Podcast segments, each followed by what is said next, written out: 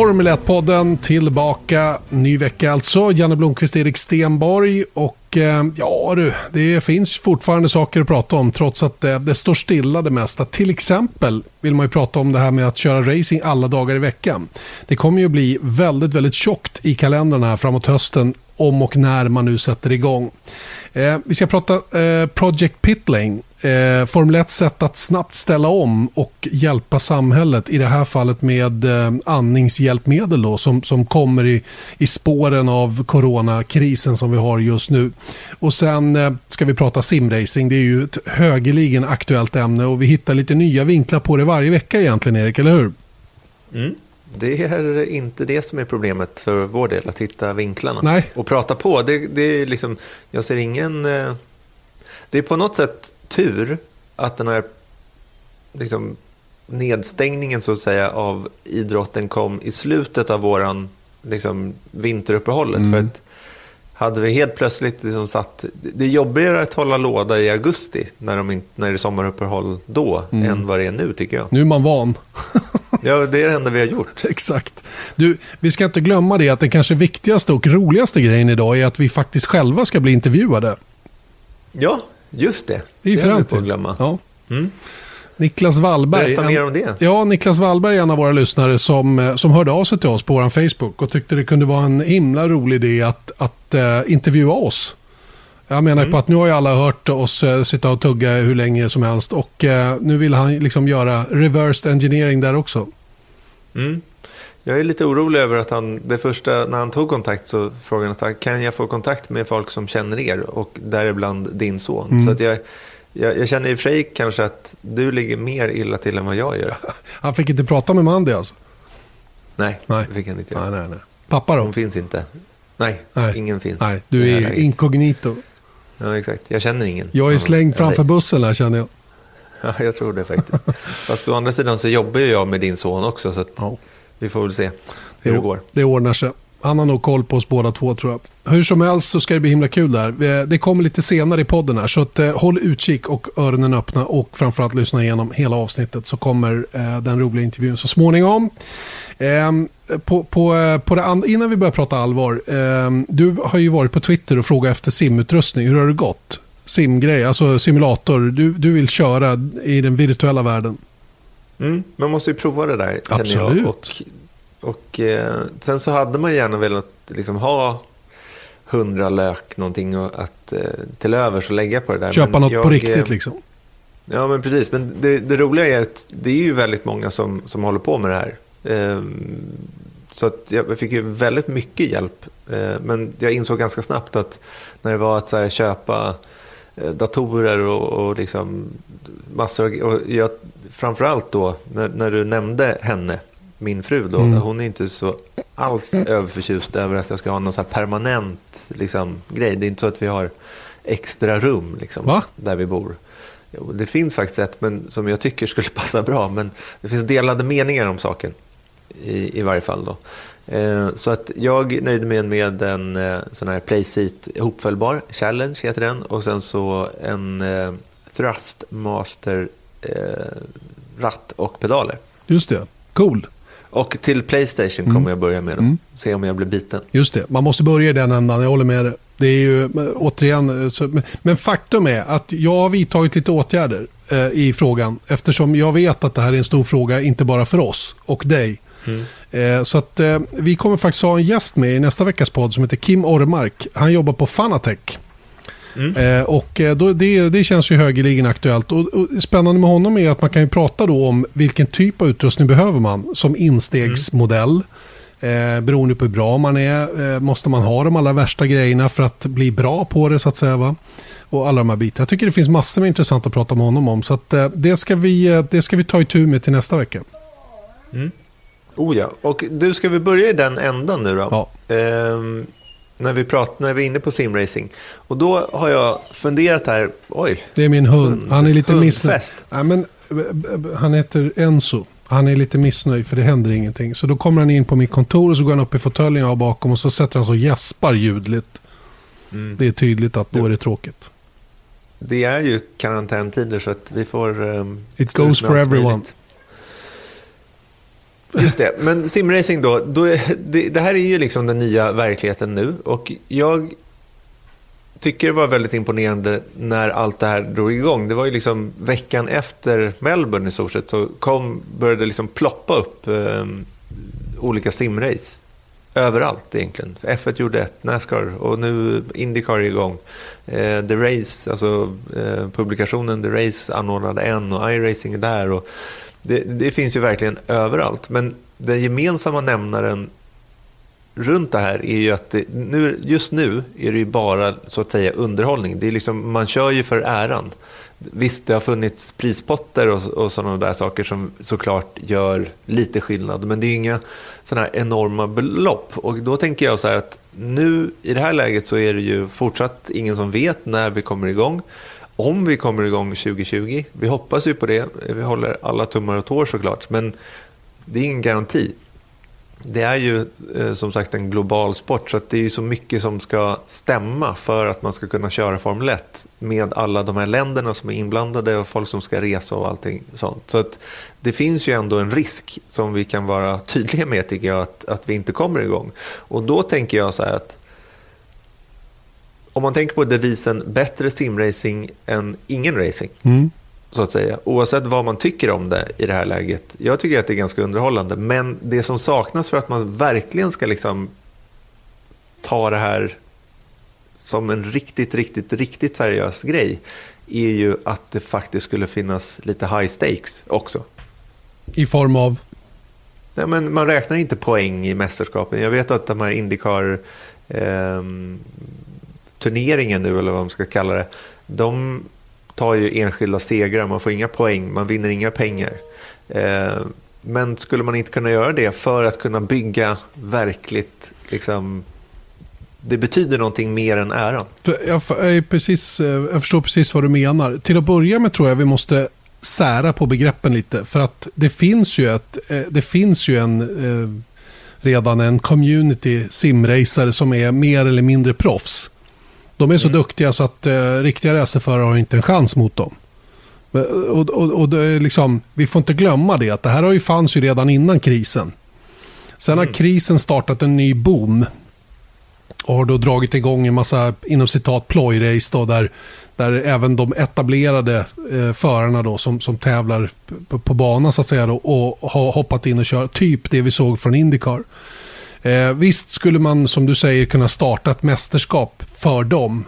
Men vi får inte blanda ihop det med de som redan håller på att tävla i det där. För de är så, det blir nästan lite respektlöst mot den communityn så att säga. För de är, de är ju skitduktiga och har varit det länge och kört lite grann i skymundan. Och vi har ju sett hur Formel 1 lite sakta men säkert har försökt få fart på ett mästerskap som, som utmynnade i att varje team hade ett ett virtuellt racingteam också då som, som tävlade mot varandra. Och sen finns det ju massa olika varianter av simracing hela den biten. Va? Men jag håller med, jag håller med dig så, så tillvida att det vore himla kul om Formel 1 fick alla förarna att ställa upp. Det vill säga alla. Alla 20. Och samma sak i Indycar. Och så, så kunde man ju då göra, låt säga nu en, en kalender på, inte vet jag, 10 race. Och så kör de träningar, de kör kval och de kör race eh, från respektive där man är. Och, och liksom, då, skulle jag, då, skulle, då skulle jag fångas på ett annat sätt. Eh, tror jag och många andra med det. Sen, sen återigen så vill man se bra simracing så går det alldeles utmärkt på alla möjliga eh, liksom, eh, forum och, och, och det. YouTube till exempel där det streamas mest hela tiden. Vi, ska inte, ja, vi, vi, får inte, vi får inte låsa som att vi, vi, får inte låta som att vi håller på att uppfinna hjulet här. Nej, nej, det, det, är inte det som är ambitionen där överhuvudtaget. Utan det är väl mer bara en sån grej att om man tittar på Indycar som körde sitt eh, första race där på, på Watkins Glen. Det tycker jag kittlade en del för att då var, jag tror att det var 26 bilar. De allra flesta var ju ordinarie eh, förare. Eh, Jimmy Johnson som alla känner till från Nascar. Hinchcliffe körde trots att han inte har någon styrning Eh, i den riktiga Indycar-serien så att säga. Och, och, det kittlade ju.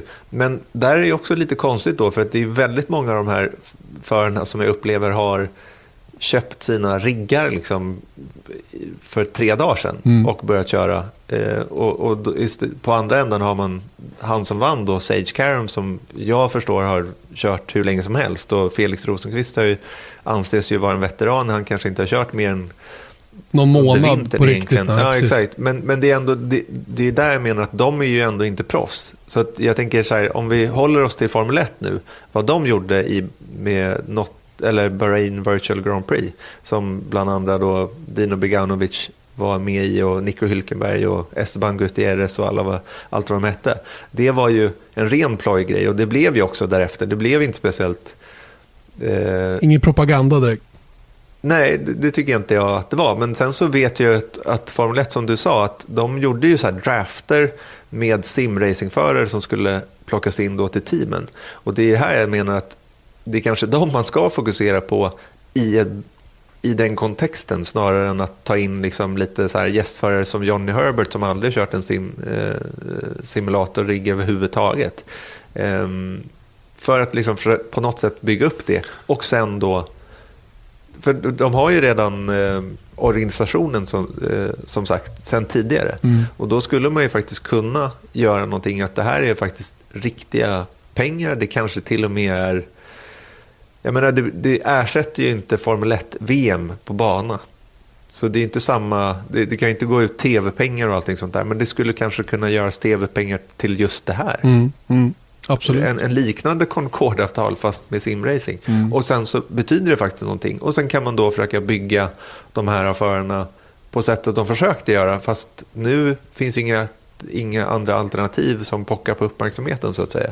Så är det helt plötsligt de säger så här, nu ska vi köra eh, i Barcelona, Spaniens Grand Prix, första racet. Det det, det ger är eh, 25 poäng för en seger och så vidare. Eh, vi kör ett mästerskap och priset i det här mästerskapet är 10 miljoner dollar. Wow. Ja men ja, ja. whatever. Mm -hmm. Alltså, det är bara taget, mm. taget ur luften. Då helt plötsligt så är det ju någonting, man bygger upp någonting. Mm. Mer än att det är underhållning i väntan på bättre tider. Mm. Om det inte kommer bättre tider i någon snar framtid, då kanske man behöver se sig om en extra gång om vad det är de faktiskt håller på med, med den här simracing. Mm, mm. Ja, men det, det, är klart att när, när det blir, återigen, det har ju blivit en sån boom. Så att, eh, och det är precis som du säger, Indycar-förarna, de, de, säger ju en efter en kommer in och säger ja, men jag byggde det här i förra veckan och sen har jag kört 16 timmar om dagen för att vara liksom up to speed till det här racet skulle köras. Och det, jag menar, de grabbarna saknar inte pengar att köpa en schysst rigg. Många har säkert sponsrats. Jag såg finske GT-föraren Tony Willanders eh, grej på, på hans Instagram. Alltså, det var ju nu helt otroligt. Det tar ju upp ett halvt vardagsrum. Ja. Jag menar, så man kan, man kan liksom lägga det på olika nivåer. Men, men eh, jag tror att sim-communityn, tror jag, jag får en känsla av att de kanske sitter och är lite småtjuriga över att vi nu helt plötsligt har upptäckt deras sport som har funnits så himla länge ändå. Och att man, att man, får, man, får vara lite, man får ta det med lite respekt när man kliver in i det här rummet där de har funnits länge med alla som kommer in och så tycker man helt plötsligt att det här är skitkul och ett jättebra komplement och hela den biten. Det är svårt att hitta rätt nivå. det är svårt att hitta absolut. rätt nivå. Men jag, jag yrkar på att kanske försöka bygga dem mer än... Eh, Tvärtom. Ja, mm. mer än Charles Leclerc mm. som simracingförare. Mm. Nej, men jag håller med. Och det är precis, det, där tycker jag faktiskt du har helt rätt. Ta de befintliga duktiga simracers och gör till stjärnor. Och så, ja, och, och så får, framförallt om det, om det spelar någon roll, om det är 10 miljoner dollar eller vad det nu kan tänkas vara i prispotten. Ja, men helt plötsligt så är det ju ett incitament för Ferrari att inte välja Charles Leclerc utan att välja den bästa simracingföraren de kan hitta. Exakt. Och då blir det mer naturligt på något sätt. Mm. Men du, nu pratar vi ändå om simracing och då är det den här, en annan tanke som vi har diskuterat eh, gemensamt är ju det här eh, det, det, känns ju nu som att så här, det finns något slags så här inofficiellt sikte i Formel 1 och på övriga stora serier som kanske har någon form av, det är ingenting som någon har sagt, men det är just augusti. Augusti känns som en rimlig potentiellt startdatum för de här serierna. Och då tänker jag framförallt då på, då har vi haft det här, så att säga, de ville, eh, Formel 1 ville frigöra eh, som sommaruppehållet, det är därför de har sommaruppehåll nu, för att kunna köra i augusti. Eh, Le Mans ska köras i september. Eh, Indy 500 ska köras i slutet av augusti och allting sånt där. Så det känns som att så här, okay, nu har man tagit steget dit. Sen är det frågan om hur långt F1-säsongen går, om den går in i december, januari eller februari. Men oavsett vad så är det ju så att när det väl kommer igång och de, alla serier, och det är inte bara motorsporten förvisso, utan det är alla idrotter ska försöka utöva sin idrott så mycket som möjligt eh, innan 2020 tar slut. Det kommer ju bli väldigt, väldigt tjockt i tv-tablåerna. Mm. Ja, på banor och, och logistiskt Absolut. på alla sätt och vis. Du vet ju vilken apparat det är att flytta Formel 1 överallt om de inte kör i Europa. Men det gäller ju att få, få tag på allting som man behöver för att kunna arrangera det som måste arrangeras. Kolla bara på den, den eh, liksom ambitionen som MotoGP har. De har ambitionen att köra sex race på sju helger i fem olika världsdelar. Mm. Det är en logistisk utmaning alltså. Visst. Om de lyckas ta sig dit så att mm. säga. De har ju lite mindre grejer att flytta runt i och för sig. Men, men fortfarande är det ju, det, det, måste ju liksom planeras in i minsta detalj för att det ska funka liksom. Mm. Ja, det kommer ju bli kaos och sen så tror jag att det spelar ingen roll. Alltså, snacka om om man känner sig lite utsvulten på motorsport nu så kommer man få överdos sen mot hösten om man väl kommer igång då. Men då börjar jag tänka på så här. Varför kör man motorsport bara på helger? Mm. Ja, men det har alltid varit så. Bra fråga. Historiskt. Bra fråga. Jättebra fråga. Jag tror man på... För jag, ja. jag, jag har försökt hitta liksom någon statistik eller finns det någon så tradition som är liksom det, det är en tradition för att man alltid har gjort det så. Men det, det enkla svaret är väl såklart att man ska hålla på och träna och sen så kör man alltid på dagar för man kan inte belysa banor. Ehm, och det behövs ju kanske inte i Sverige men jag menar, i Europa så blir det kolsvart klockan sex. Ehm, och då, då måste man ha belysning på banan. Ryan Reynolds här från Mint Mobile. Med priset på nästan allt som går upp under inflationen, trodde vi att vi skulle bring våra priser down. So to help us, we brought in a reverse auctioneer, which is apparently a thing. Mint Mobile unlimited premium wireless. Ready to get 30, 30, bit to get 30, bit to get 20, 20, 20, bit to get 20, 20, bit to get 15, 15, 15, 15 just 15 bucks a month. So, Give it a try at mintmobile.com/switch. slash $45 up front for 3 months plus taxes and fees. Promo rate for new customers for limited time. Unlimited more than 40 gigabytes per month slows. Full terms at mintmobile.com. Och sånt där. Så det är väl därför man alltid kör dagtid och dagtid så jobbar folk Eh, i veckodagarna och sånt där. Men jag tänker nu så finns det ändå ganska stora möjligheter att inte köra på helger. Jättebra möjlighet och jag menar det här med att belysa banor. Visst det är en investering men vi har ju sett fler och fler banor göra det. Och de här Twilight-racen som går, eh, Abu Dhabi till exempel, då, eh, helt i mörker då, i Bahrain, Singapore visar ju faktiskt att det går att göra det. Um, och, och, och, det borde kunna göras på fler ställen. Och jag, jag söker vardagskvällar. Det är väl ett alldeles utmärkt tillfälle att ha sportevent på. Det visar ju alla andra sporter om inte annat. Jag menar, folk är beredda att, att åka på sådana. Även fast det är mitt i veckan. Sen är, ju mm. en, sen är ju Formel 1 uppbyggt på ett lite annat sätt. Det är ju ett helhetsgrepp med hela helgen och hela den biten. Fredag, lördag, söndag. och det blir mer som en semestertripp när man åker på ett Formel 1-lopp. Det är ju sällan man åker bara man åker till arenan en timme innan på söndagen och så går man upp på sin läktarplats och så sätter man sig och kollar racet och sen hoppar man in i bilen och åker hem. Typ som en hockey eller mm. fotbollsmatch. Mm. Där har vi väl Men kanske... Samtidigt, ja. samtidigt är det en svaghet för Formel 1 att det är en sån himla stor apparat att ta sig. Först att man måste i många fall då flyga någonstans och sen så ha hotell och sen så ta sig till banan och parkera och sen så hitta det och allting sånt där. Men, och det är ju det de tittar på, att kanske förenkla det eh, i Formel 1. Då. Men jag tänker framförallt då på om man tittar på strukturen på hur motorsporten ser ut under en normal säsong. Och det har ju vi god erfarenhet av eftersom eh, vi jobbar med tv och då är det liksom tablåläggning som, som gäller. Och det, generellt sett så kan man ju se det som att Formel 1 har liksom, de sätter sin kalender. Sen anpassar sig nästan oavsett vad det är för motorsport. Då vill de lägga sig på eh, en annan helg. En mellanhelg så att säga för Formel 1. Alternativt om man vet att okay, de ska köra i Kina, ja, men då är det grönt för oss att köra i Europa eh, samma helg. För att då är de klara eh, tidigt på morgonen och så kan vi köra på eftermiddagen sen så, utan att det krockar. Men när det här blir då potentiellt sett då i höst väldigt, väldigt komprimerat, då kommer ju alla helger vara borta. För alla helger kommer att vara F1-helger i praktiken. Mm. Ehm, och då behöver man hitta andra vägar att gå. Då tänker jag liksom de kanske mindre serierna som kanske är mer, lokala angelägenheter än vad Formel 1 är. Ehm, då skulle man faktiskt kunna köra. Varför inte köra ett onsdagsrace? Jag vet att STCC körde ju för tre, fyra år sedan på Mantorp en torsdag. Torsdag eller fredag. Mm. Ehm, Nascar gör ju också det eh, om en söndag eller lördag regnar bort eh, på ovalerna för de kör ju inte regn. Och då har de liksom reservdagar ibland på måndagar. Ja. Det är klart att det påverkar folk på banan men när man ändå inte kanske kommer ha sådana enorma folkmassor på banor så kan det ju faktiskt vara en jättebra grej att ja, men vi kollar på MotoGP på onsdag. Ja. Ja, nej, men det är en intressant frågeställning såklart. Och jag tror att den här, den här krisen rent generellt kommer ju att, att göra att vi omvärderar rätt mycket. Eller utvärderar rätt mycket av det som vi har hållit på med tidigare då.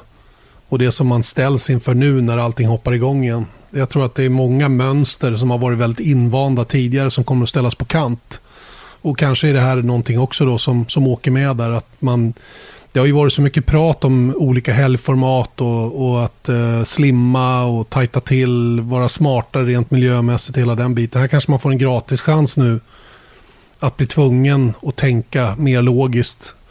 Eh, som, som förr var svårt att komma fram till just med tanke på att man var så van vid hur det, hur det alltid har varit. Mm. Eh, Det är fullt möjligt att det är det. det, det jag, vet inte. Jag, jag, nu när du pratar om det så har jag svårt att ta in, ta in ett sånt upplägg. Mm. Jag, jag, jag är också superinvan vid att eh, i mitt jobb då, i mitt yrke, ja men man åker onsdag, jobbar det och det torsdag, sen på fredagen händer det och på lördagen händer det och på söndagen händer det, sen åker man. Så Mm. man är som en robot när det gäller de här grejerna. Va? Men jag tror att man, man kommer att bli tvungen att tänka om. Jag tror det. Mm. Det handlar om att vara lättfotad när man väl sätter igång. Att alla får liksom... Det kommer inte bli perfekt när, när det väl kommer igång men då får man göra det bästa av situationen helt enkelt. Visst 17 är det så. Alright, det om detta. Ehm, ska vi glida in lite grann på det samhällsnyttan Formel 1 kan göra? Ja, det tycker jag är jättespännande faktiskt. För att det har dykt upp då, det började för typ två veckor sedan eller någonting, de första liksom indikationerna på att någonting var på gång. Eh, att då Formel 1-teamen då skulle ställa upp och eh, hjälpa myndigheter eh, att ta fram eh, ja, samhällsnyttiga redskap helt enkelt. Och nu har det här projektet het, ja, döpts till Project Pitlane. Och det är alltså en, eh, en samarbetesprojekt egentligen mellan sju team tror jag. Ja, de sju som är, Så. som är baserade i, i, i England då, som, som eh, har gått ihop då och ehm, börjat diskutera frågan och försöka så snabbt som möjligt då få fram ehm, ehm, andningshjälpmedel, vilket är det som man behöver då i, i coronakrisens spår. Och eh, det här har man ju varit väldigt effektiva med och, och nu då fått fram någon, någon form av apparat. Jag, jag tror jag ska undvika själv att gå in på exakt vad det är och hur det funkar, hela den biten. Va? Men det är ju det är ett andningshjälpmedel som, som eh, man använt eh, tidigare också då för folk som har KOL till exempel, eller svåra lungsjukdomar. Eh, Och som kan göra att folk som hamnar i, i ett läge där man måste ha extra behandling under det här covid-19 inte behöver ligga i respirator. Och den här maskinen kallas för CPAP. Jag ser om jag kommer ihåg vad den, vad, den, vad den stod för, den här förkortningen. Kommer du ihåg vad det var? Jag tittar febrilt. Ja, jag också. Eh. Poängen är i alla Continuous, fall... continuous positive airway pressure heter, heter grejen. Då. Ja. Och eh, det är ju då egentligen eh, brittiska myndigheter som har utlyst då att de vill ha hjälp att ta fram sådana här. De behöver 10 000 stycken, är det sagt i, i detta nu i alla fall. Och de har ju svårt då att, att få fram det här. Och det är då som Formel 1-teamen eh, då inom Project Pitlane då har, har, eh, har tagit klivet fram och sagt att vi kan hjälpa till. Och det som jag tycker är intressant med det här är då att det visar ändå vi pratar så mycket om road relevance hela tiden. Att oh, men turbomotorerna, det var viktigt det för att eh, biltillverkarna de vill ha någonting som är road relevant. Att de kan, någonting som de har något liknande i sina vanliga bilar som de sen då kan promota genom Formel 1 och allting sånt där.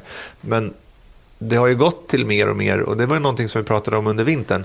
Eh, det här med att eh, med klimatmålen eh, som, som Formel 1 har satt upp också. Att det är sådana grejer som Formel 1-teamen också ska jobba med. Att ta fram eh, klimatsmarta hjälpmedel som kanske inte nödvändigtvis har att göra med racerbilar på banan utan det är, eh, det fanns ett exempel där att eh, Williams Advanced Engineering har tagit fram som aerofoils som har förbättrat Sainsburys kylar att bli mer energieffektiva med typ 20 procent eller någonting mm. sånt. Och då, nu pratar vi liksom om world relevance. Och det är ganska tydligt här då att det finns en statistik där på, i den här artikeln på The Race som är skriven av Scott Mitchell faktiskt.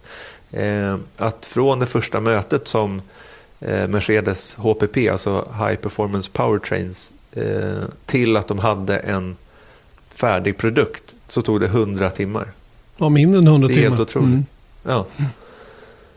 Och den har, den har dessutom blivit godkänd av myndigheterna i England att, att få använda. Så nu kan de börja massproducera dem då.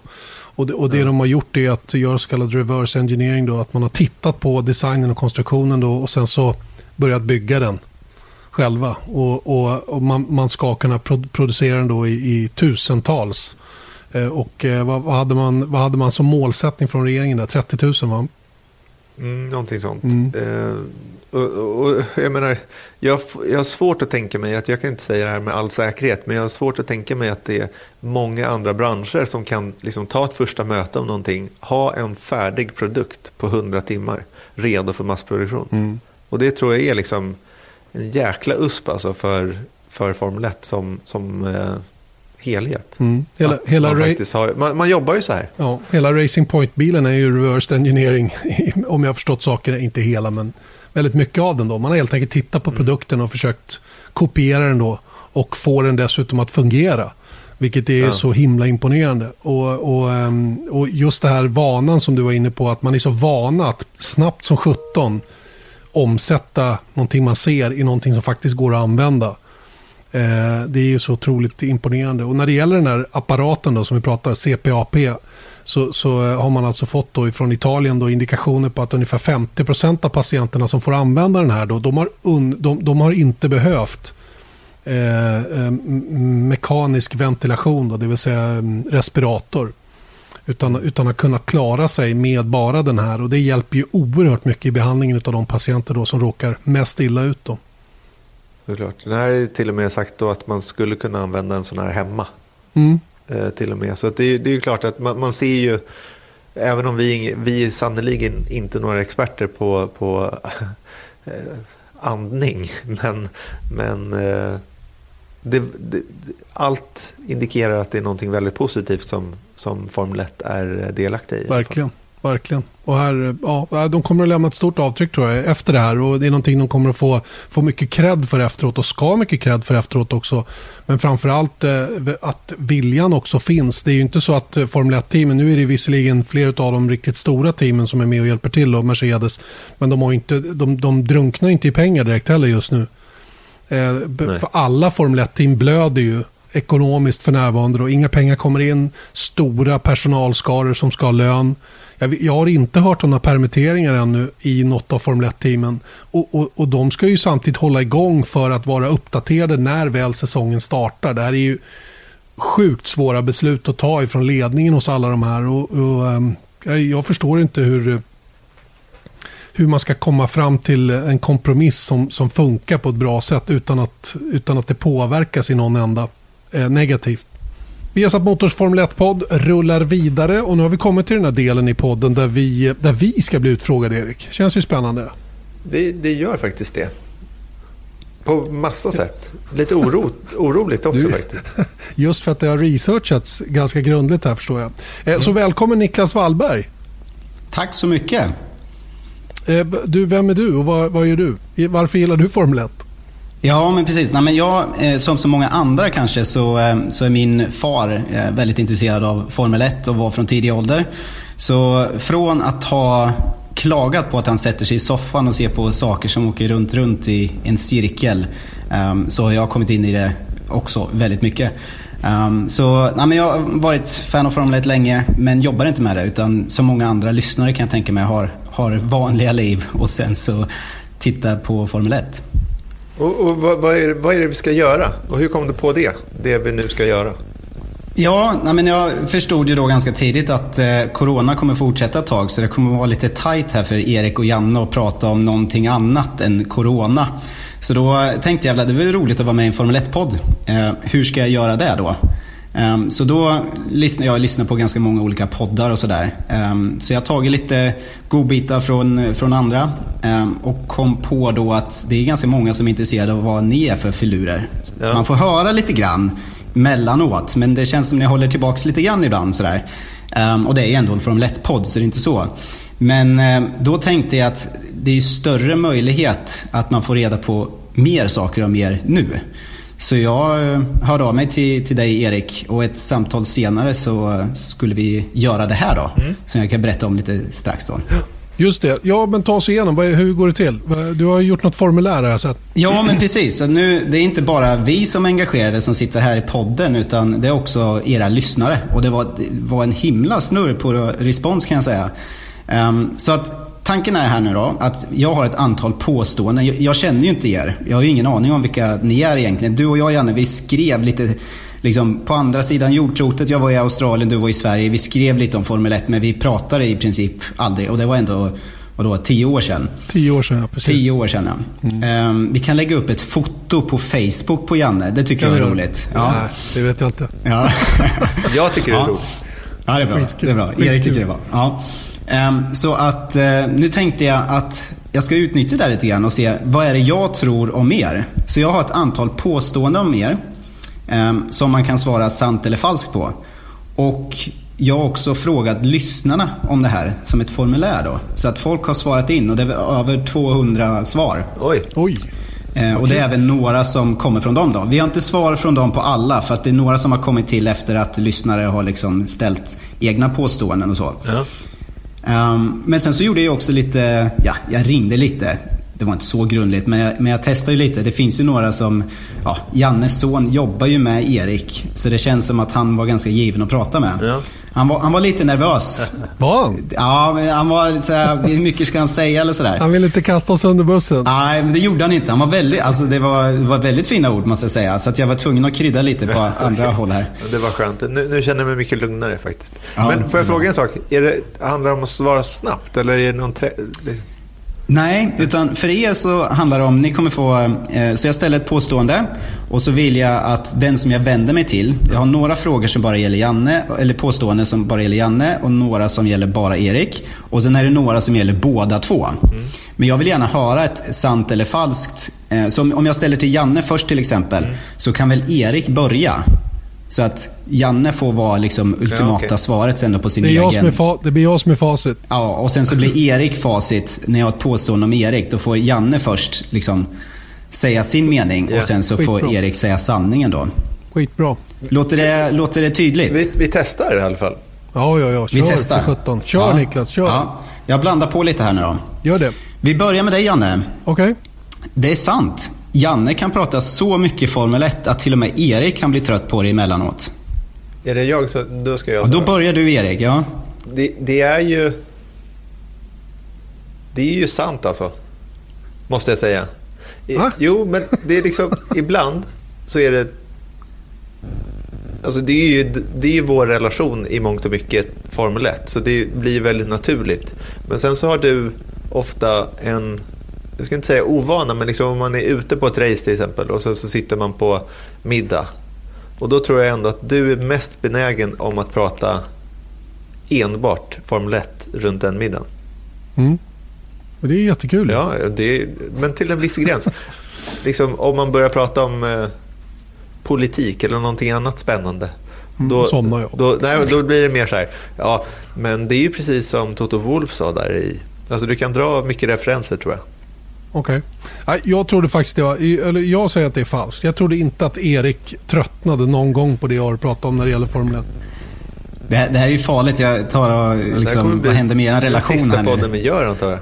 Aj då. Exakt. Aj då. Eh, vill ni höra vad lyssnarna tycker? Ja. Ja. Ja. Så ja, trumvirvel nu då. Drr. 70%. Nej, 30% då. Ja. Ja. Men då Ja. hade jag rätt. Ja. Okej. Du hade På rätt. ett sätt. Jag, jag tröttar ut igen. Det är bra. Inte Ja, jämt, bra. ibland. Nej, nej. nej jag, fattar. jag fattar. Jag förstår nyanserna i det här. Ja, vi får ta en psykologiträff här sen senare Exakt, och ja, exakt. prata ut. Ehm, då, då då, Erik, då är det din tur. Yes. Ja.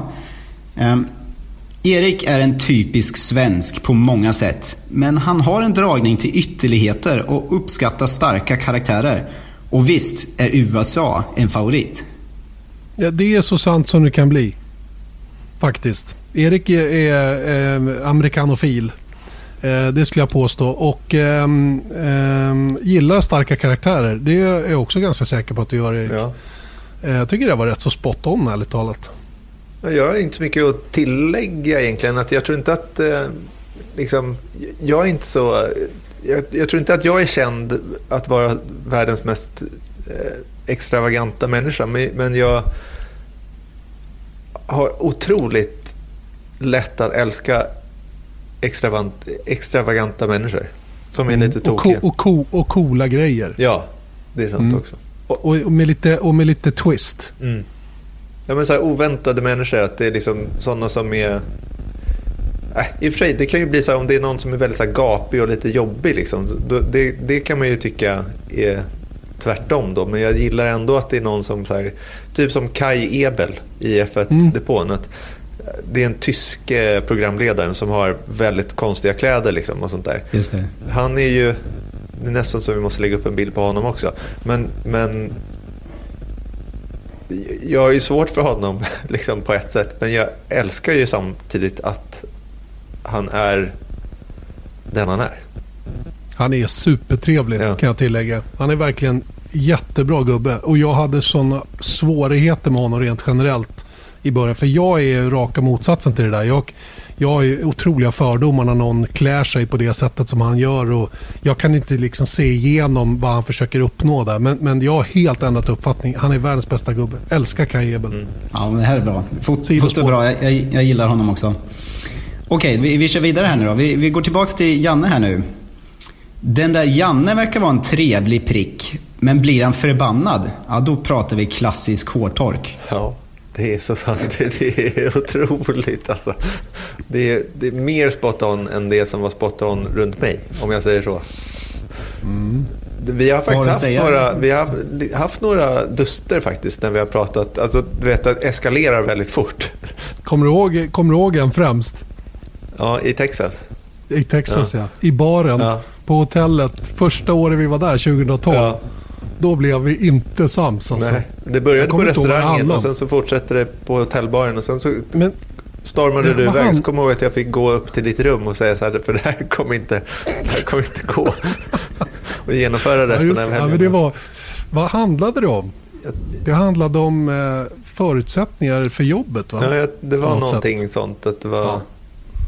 Någon Jag form av, ut totalt. av lön i praktiken, tror jag. Typ, Ja. typ något sånt. Då var det väl inte så konstigt att jag blev förbannad. Jag tyckte väl att jag tjänade för dåligt antar jag. Exakt.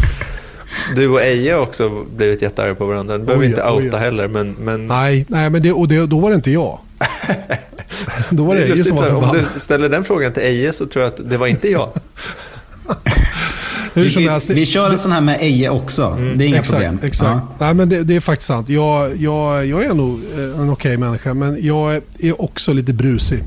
Br- eh, ganska brusig emellanåt. Och eh, går jag igång så går jag igång ordentligt. Och jag blir högljudd, jag blir engagerad. Jag, alltså, jag kan nog vara rätt så här, tråkig att göra med då, i de lägena. Ja, ja. Underhållande Spännande. också. Extravagant. Ja, Vill ni höra vad lyssnarna tror om det här då? ja kör. Ja. 67% säger ja. Ja. Så den, eh, ja. Men jag, jag tycker ändå att det här... ehm, eh, man, man får ju inte den... Eh, alltså när man hör, när du kommenterar och länge och så vidare så är man ju det, eh, liksom engagerad. Men då får det inte ut, jag vet inte vad jag tog det här på, men det var...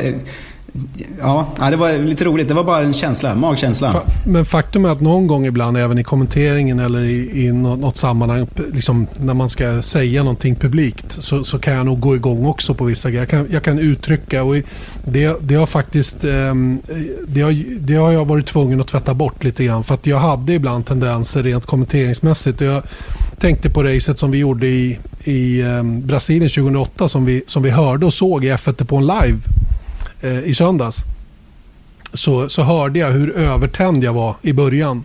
Och hur det tog nästan en halvtimme vet, innan jag började lugna ner mig och lät Eje få, få plats.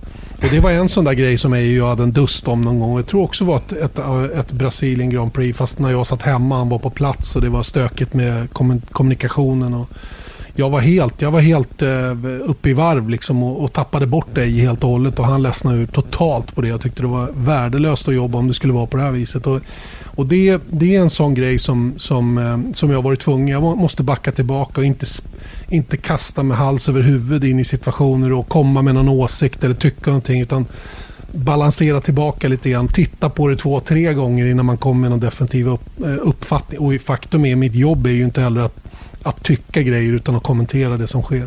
Har, har det varit bra med podden? Har det förändrat lite? För att här kan du ventilera liksom på ett annat sätt och säga åsikt jo, och sådär. Det är klart att här, här finns det, det här är ett forum där man kan vara lite mer tydlig i sin åsikt. Så att säga. Det är ju det är ett åsiktsprogram där vi ska tycka och spekulera om saker och ting. Men, men i just tv-kommenteringsrollen ska man inte göra det. Utan då ska man, då ska man titta på skeendet, försöka förtydliga skeendet om det behövs och sen liksom låta tittaren själv få avgöra. Och så framförallt låta experten vara den som tycker, inte jag. Mm. Härligt. Nu ska vi se. Nu, det har gått lite för bra här nu. Nu får jag lite press på mig känner jag. Eh, vi tar en på Erik här nu då. Janne är ju kommentatorn och experten i den här podden. Men även om Erik inte säger det rakt ut så känner han ändå innerst inne att han kanske ändå ligger lite i fas med Janne. Som, ja, men det, som, det tror som jag. kommenterings... Nej. Nej, men som, som Formel 1-kunnig ja. så skulle jag säga att Erik är minst lika kunnig som vad jag är. Eh, I vissa fall bättre. Och Erik har egenskaper som jag saknar. Sen har jag egenskaper som kanske inte han har. Men vi, det är därför vi kompletterar varandra jättebra. Men, men på kunskapsnivå absolut samma. Absolut samma. Verkligen. Jag, jag tror att... Eh, jag ska inte säga så här, ja, jag håller med. Utan jag tror bara att vill verkligen belysa det du sa Janne, att det, det ligger liksom lite åtskilt liksom, vad vi verkligen gillar med Formel 1. Jag tror att vi, vi, möts där någonstans men att jag kanske tänker på andra aspekter än vad du gör också. Och då, det är ofta som du har, liksom, när vi träffas och eh, ska prata ihop oss inför en podd till exempel. Då har vi samma innehåll fast med olika ingångar i det ofta. Vilket mm. jag tycker är, är spännande. För du kan berätta saker för mig också. Och liksom, du snappar upp andra saker än vad jag gör. Mm. Mm. Ja, men, men som sagt i grund och botten så är det liksom ett, eh, ett brinnande intresse och det har vi båda två och där ligger vi ganska exakt lika. Sen, sen har vi som sagt olika sätt att kliva in i det. Jag är ju i Formel 1 på nästan hela tiden och Erik är ju baserar ju sitt lite från ett annat håll då. Mm. Ja, ja. Ja, ja men inte helt illa då ändå. Eh, 60% säger falskt. Om, eller eh, säger eh, sant, förlåt. Mm. Säger sant om den frågan. Det är alltså 40, procent av lyssnarna som misstror mig. Ja, mm. så är det. Det är precis så du ska tänka. Jag måste jobba på det här. Okej, okay, då, då kommer vi till båda här nu då. Är ni med? Så det här om er mm. båda. Eje Älg är lite som en tonårsförälskelse för Janne och Erik. Så fort han kommer upp på tal så pirrar det liksom till i magen på dem och de ler utan att tänka på det. Kolla alltså, vad jag gjorde. Ja, men det, jag tror att det är så också. Jag menar, han är, han är en... Åtminstone för mig är han ju liksom...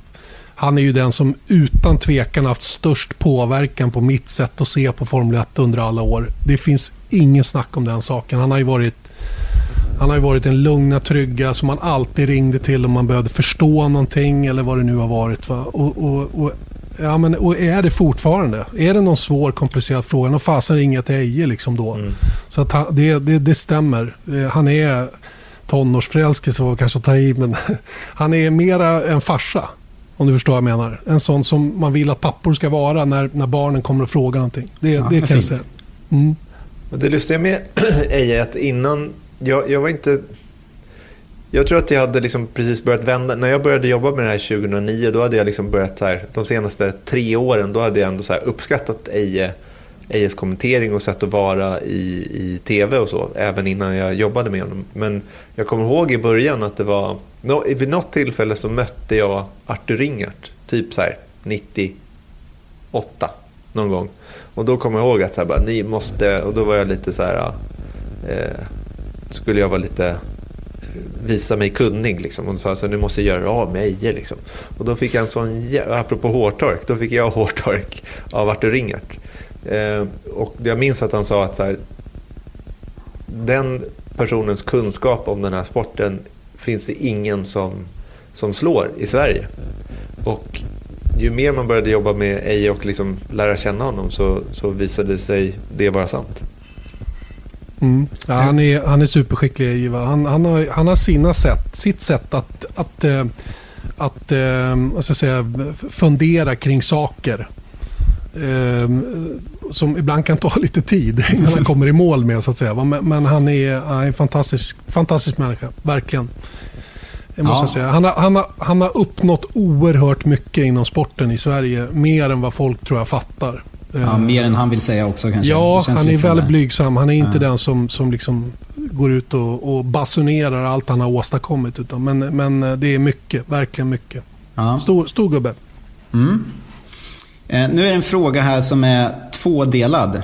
Eh, jag kommer läsa den här som, som i en följd. Eh, men det är en som gäller för dig Jan och en för dig Erik. Ross Braun är Jannes favorit i F1-cirkusen. Trygg, sansad och otroligt skärpt. Erik har istället alltid varit svag för Eddie Jordan. Galen, rolig och en gambler. I mitt fall, eh, ska jag svara på Eriks då? Eh, ja, eh, gör så. Ja, jag tror att eh, Erik gillar Eddie Jordan av exakt samma skäl som han angav tidigare. Just att han är extravagant, cool, har uppnått väldigt mycket inom sporten. Va? Plus att Erik kan se igenom den ganska pladdriga Eddie Jordan emellanåt och förstå hur, fan, hur smart han egentligen är bakom, bakom fasaden så att säga. Så det, det tror jag absolut. Mm. Och Ross Brown, absolut där också, på Janne. För att jag tror att det är just, och jag är också svag för Ross Brown, ska sägas. Eh, inte för att han är extravagant, utan just bara för att han är... Det är en sån här person som är svår att liksom ifrågasätta. Sen är det klart att man måste göra det ändå som journalist så att säga. Men, men jag menar, han, han har renommet att uttala sig om det han gör.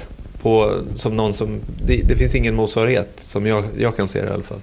Så, Han är en born leader. ja, verkligen.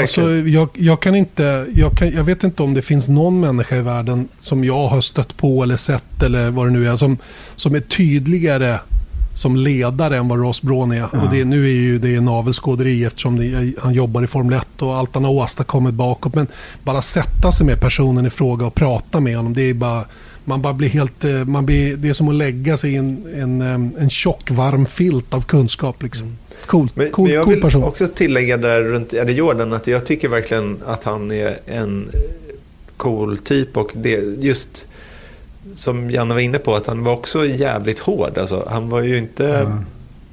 Det är inte kanske just här, det är inte bara spelevinkar som jag tycker är, är roliga utan till exempel en sån grej som om man tar en annan teamchef i samma era så är det Ron Dennis. Han tycker jag var extravagant i form av hur hårt han drog det åt sitt håll. Att bli kliniskt och liksom bygga McLaren Technology Center. Ingen fick ha skägg. Du vet, så här, han var ju en järnhand alltså.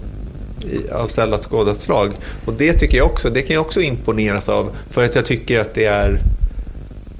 Han, han, drog, han, han drog det långt fast åt ett helt annat håll än vad kanske Eddie Jordan gjorde.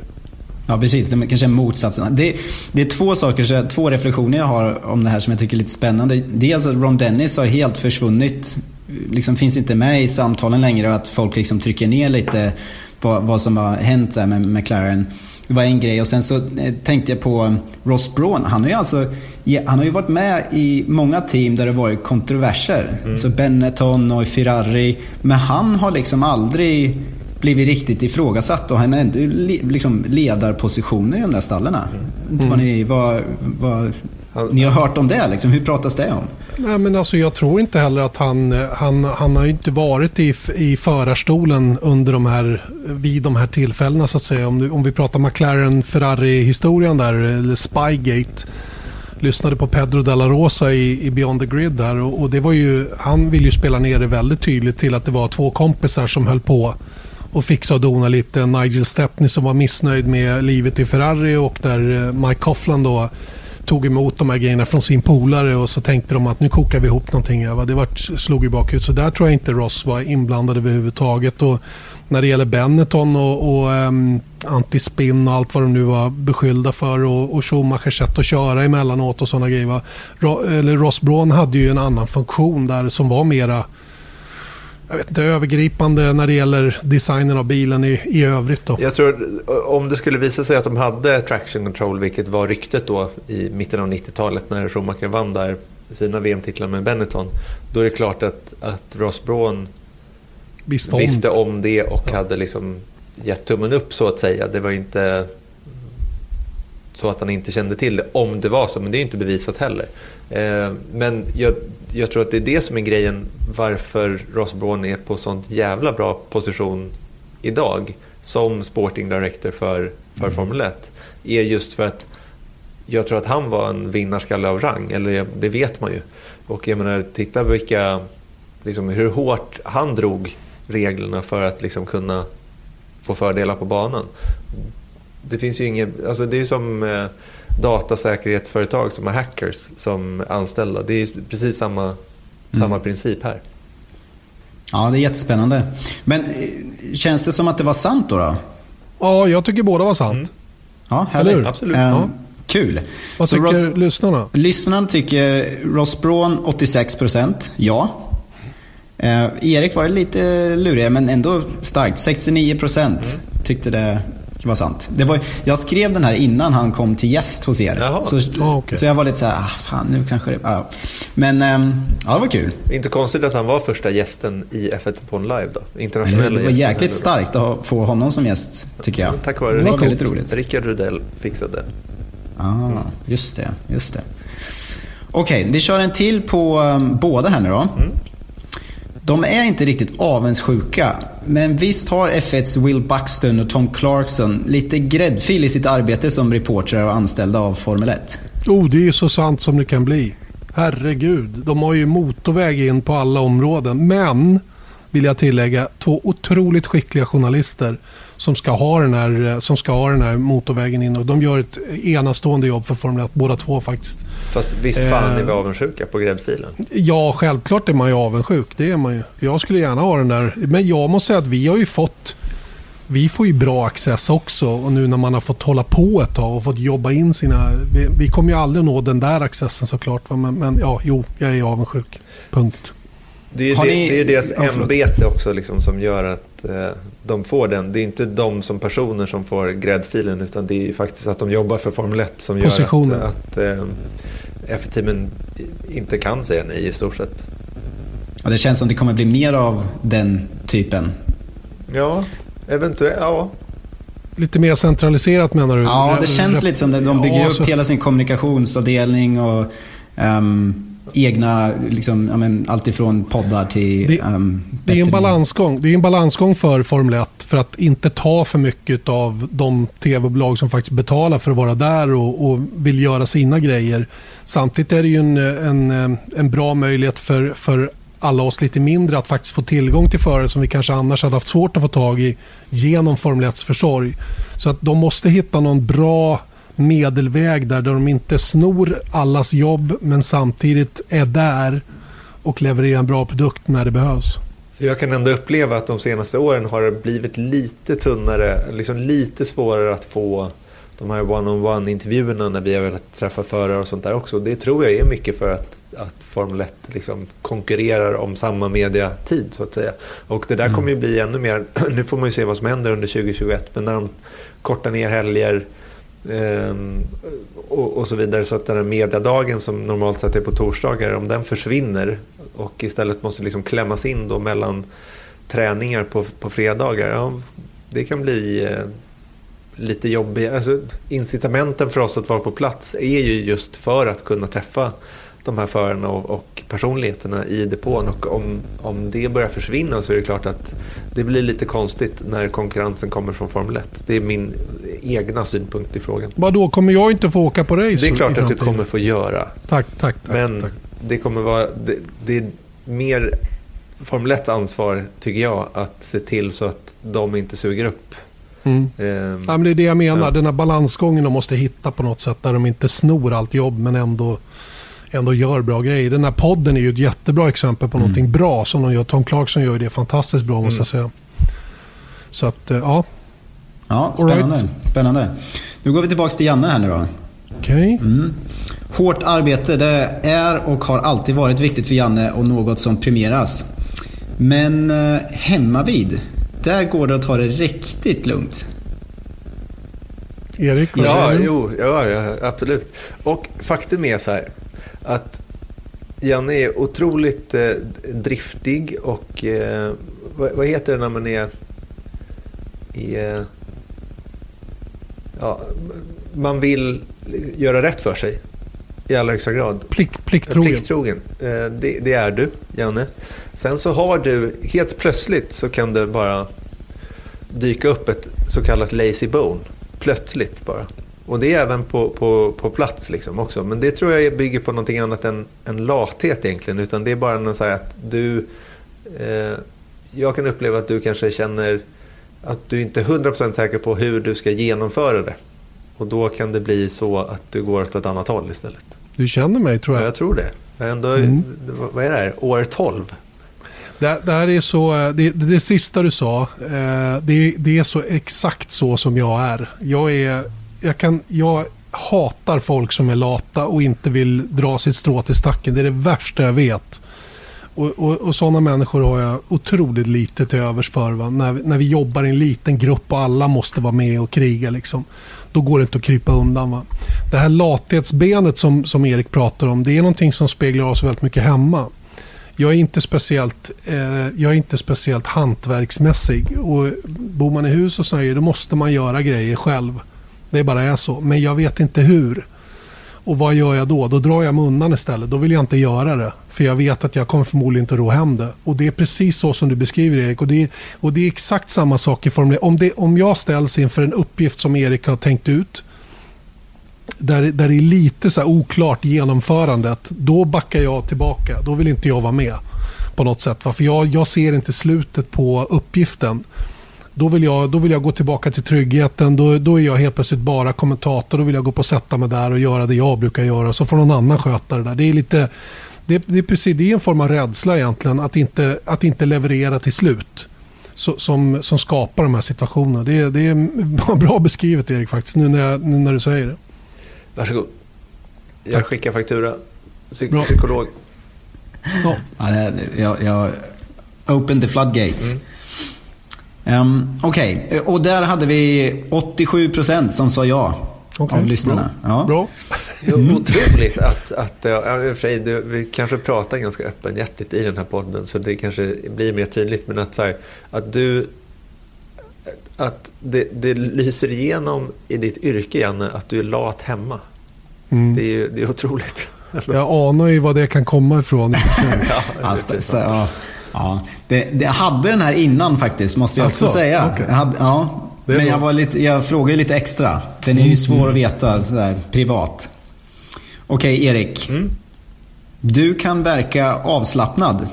Men är du inte i kontroll av situationen, ja, då existerar inget eller inga annat än dina tankar på uppgiften och din bubbla. Oh, den är svår. Jag vet inte om du Eh, att, Erik är ju en sån där, eh, eh, vad ska jag säga, han, eh, i många idéer är bra i teorin men svårare att genomföra praktiskt. Eh, om vi säger så. Eh, och, och Erik går ju till sitt yttersta för att genomföra den här idén som man har i sitt huvud även om man stöter på patrull på vägen fram. Jag ger ju upp långt, långt tidigare än vad Erik gör. Så det, i det avseendet så går du nog in i din bubbla och, och verkligen kriga för att få det du har tänkt ut genomfört. Mm. Så att jag får nog säga sant på den. Jag, jag, tror jag kan spåra den här frågan också till, tillbaka till Rickard. För att där jag görs nämligen lite narr av på kontoret ibland när jag sitter med datorn och ska liksom banka ut någonting ganska fort. Och då har det hänt att folk har tilltalat mig och jag vet inte om det. Så att jag, jag har en förmåga att stänga av, så att säga. Ehm, eh, Eh, så jag, jag, tror att det kommer därifrån. Men sen så tror jag att det finns vissa grejer att mm, de få gångerna som jag är ute på race så kanske vi ska göra något lite specialigt reportage och vi har, liksom, våra resurser på plats är väldigt ansträngda eftersom vi gör en produktion till två länder, eh, Sverige och Danmark och sånt där. Så det, det, är inte alltid som... Jag tänker bara på i Abu Dhabi nu, eh, Janne, att då, då hade jag liksom... Jag hade helt klart planerat in för mycket. Men jag tänkte liksom att det är bra lägen att göra grejer nu. Så då gjorde vi det ändå. Men det var, det var inte så bekvämt för, för eh, alla andra. Och det, blir, det blir ju som en chock för oss. Och vi, det roliga är att vi alla bracear oss lite grann när Erik kommer. För då vet vi att nu är det, nu är det knökat. Va? Och det är, det finns ett visst mått av tidsoptimism också emellanåt. Ja. Där det, är, det, finns det, liksom, det, är det jag menar, det är det problemet det, är. Att, att precis, är att, att genomföra, finns det bara luft liksom i båda ändarna, men finns det inte luft, då, går jag hellre, då är jag hellre safe than sorry. Mm. Men är det lite det här som gör, jag, jag lyssnar lite grann på um, eller sett något klipp när du lägger upp något Janne på din YouTube-kanal om när gruppen, jag tror det var när gruppen landar i Melbourne. Mm. Att tack vare att Erik lägger lite tuffa scheman och uppgifter att gruppen måste liksom sätta sig och det blir en gemensam uppgift man ska klara. Att man stärker sig själv då, alltså jo, som grupp. Så är det väl naturligtvis. Och då kommer vi tillbaka till det här att om man har ett ben i den här gruppen som inte, som mm. inte anstränger sig, va, då blir det ju genast problem. Va? Utan alla måste ju dra åt samma håll. Och tyvärr kan det vara, många gånger vara jag som stretar emot om det blir ett för packat schema. Va? Utan istället för att bara oh, upp med humöret och så nu kör vi liksom.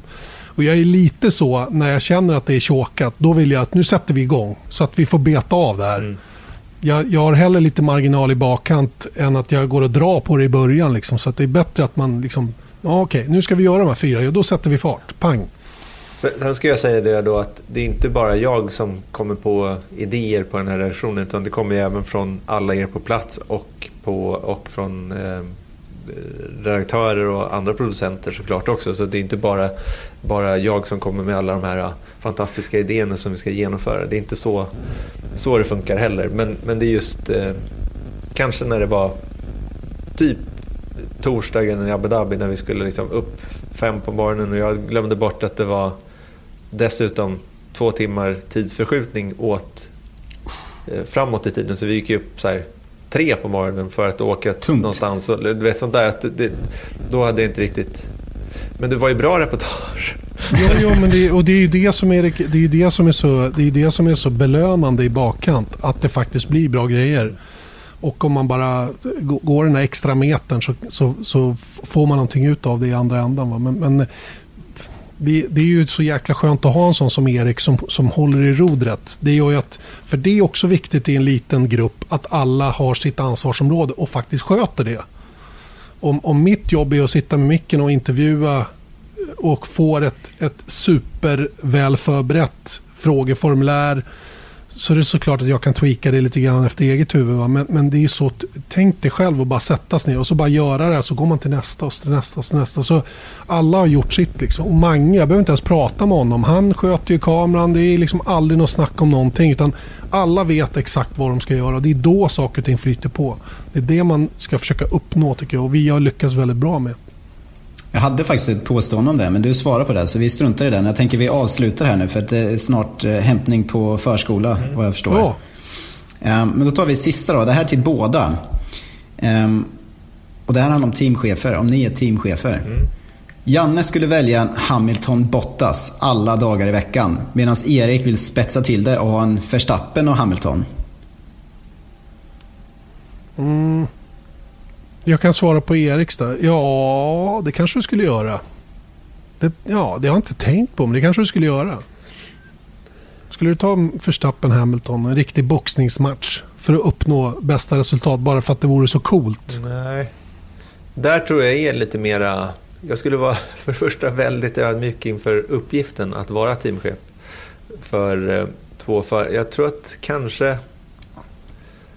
Jag skulle nog snarare välja Hamilton och, och Ricardo, tror jag. Ja, vågar inte gå hela vägen där alltså. Nej. Men jag tror Nej. inte att det skulle vara bra heller. Så att jag, är inte så här, jag vill ju inte uppnå den här spelevink eh, eh, excentrismen på, till 100% utan bara Mm. för att. Utan det, jag måste ju vara lite smart också. Ja. Ja, jag var lite, den här var jag lite osäker på. För det här kändes ändå som att då var det den här typiska svensken då, om man tar det i, i citationstecken, som skulle vara chefen, inte vad du gillar. Ja, ja spännande. Man måste anpassa sig efter eh, liksom miljön också, tror jag. Ja, Så ja. är det. Så är, nej, men jag, jag går för Hamilton Bottas. Jag, jag hade gått för maxresultat. Ja, Precis så som Toto Wolf tänker ja. Eh, även om han har lite andra incitament i sitt tänkande också av, av ekonomisk art. Så är det såklart att han, han vet ju vem som är stjärnan och han vet vem som ska vara backup. Och han är väldigt, det tycker jag, tydlig med det utan att vara tydlig med det. Så, så är det så uppenbart vad han försöker uppnå. Han har ju verkligen uppnått det också. De vinner ju konstruktörs-VM varje år, de vinner förar-VM varje år. Så att jag menar, vem, vem kan klaga på det sättet att jobba? Det är ju det är helt perfekt. Och det var ju på det sättet de jobbade i Ferrari när Schumacher var som starkast också. Ja. Det, det var nog en stor förebild tror jag i det upplägget. Att man måste ha en stark etta och så måste man ha en kille som är bra. Väldigt bra, men som inte stör superstjärnan så att säga. Det, det var en väldigt spännande podd. Um, Nico Rosberg tror jag intervjuade um, Toto Wolf. Och då pratade de om, alltså Toto Wolf hörde av sig till um, Sean Tott. Det var, pratade mycket om pressen att hela tiden prestera år, år in och år ut och vad gör det med en människa? Och så pratade de lite om förare och sådär också. Men man kände där att um, där fanns det mycket respekt. Kan jag tänka mig. För det, de har ju haft liknande situation får man ju säga. De Ja. två teamcheferna så att säga. Toto Wolf och, och, och eh, Jean Tott. Nej, det var Ja. bra. Kul! Men det var, det var sista frågan där. Hur kändes Ja. det där då? Nu var ni som fick bli um, utfrågade. Men det var, det var väldigt, väldigt roligt tycker jag. Faktiskt. Eh, Och, och roligt med påståenden. Ja. Så man får utveckla svaret ja eller nej. Eller sant eller falskt runt Ja. omkring. Då. Ja, och eh, var bra researchat också. Mm. Jag, tycker det var, jag tycker det var kul. Ehm, välkommen Många som- tillbaka. Ja, man, är, gärna. man, är, man är som en öppen bok tydligen. Ja. Ja, vi får se. Det kanske bara var flax. Um, men vi kan, väl, eh, vi kan väl se Erik också. Um, vi kan göra en sammanställning av vad lyssnarna eh, tyckte och tänkte. Så kan Just man också det. dela med sig av det möjligtvis. Just det. Låter ju som en superbra idé. Kommer att finnas på vår Facebook när, det, när den är klar. Den får du ombesörja Niklas. Jajamän. Tack snälla för att, du, eh, för att du ställde upp och gjorde det här. Ja, men det här var superkul. Det är bra mellan att mata och lägga barn och så vidare. Exakt. Eh, I dessa tider. Eh, Niklas Wallberg alltså som eh, kommer de här frågorna utifrån det här frågeformuläret då, som vi alltså presenterar facit av då på vår Facebook-sida så småningom. Och Erik, inte så mycket mer att tillägga för, för veckans podd som kommer bli lång och härlig. Ja, verkligen. Det kommer den bli. Vi är tillbaka nästa vecka igen och jag vill återigen uppmana alla att titta på Viaplay Sport F1-depån live även på söndag och de kommer också upp som video on demand så man kan se de gamla, de tidigare två avsnitten som vi gjort då. Eh, Just det, var någon som frågade efter det. Ja, det har gjort det och sen så har de eh, lite tjåkat där uppe på Viaplay så att de ska, de ska ta hand om det så snart som möjligt. Men eh, än så länge kan man se på eh, söndagens program och sen så kan ni såklart se live eh, eh, på söndag. 15.30 Ja, för-. 48 timmars baktitt är möjlig fortfarande då, men det kommer kanske som ett on demand så småningom. Då. Kan du avslöja vilket race det blir på söndag redan? Det är Kanadas Grand Prix 2011. Yes. Mm, det är bra race. Det var bra. Mycket bra race är det. Mm. Det är den längsta sändning jag gjort någonsin. Nej, det är det inte. Men en av dem.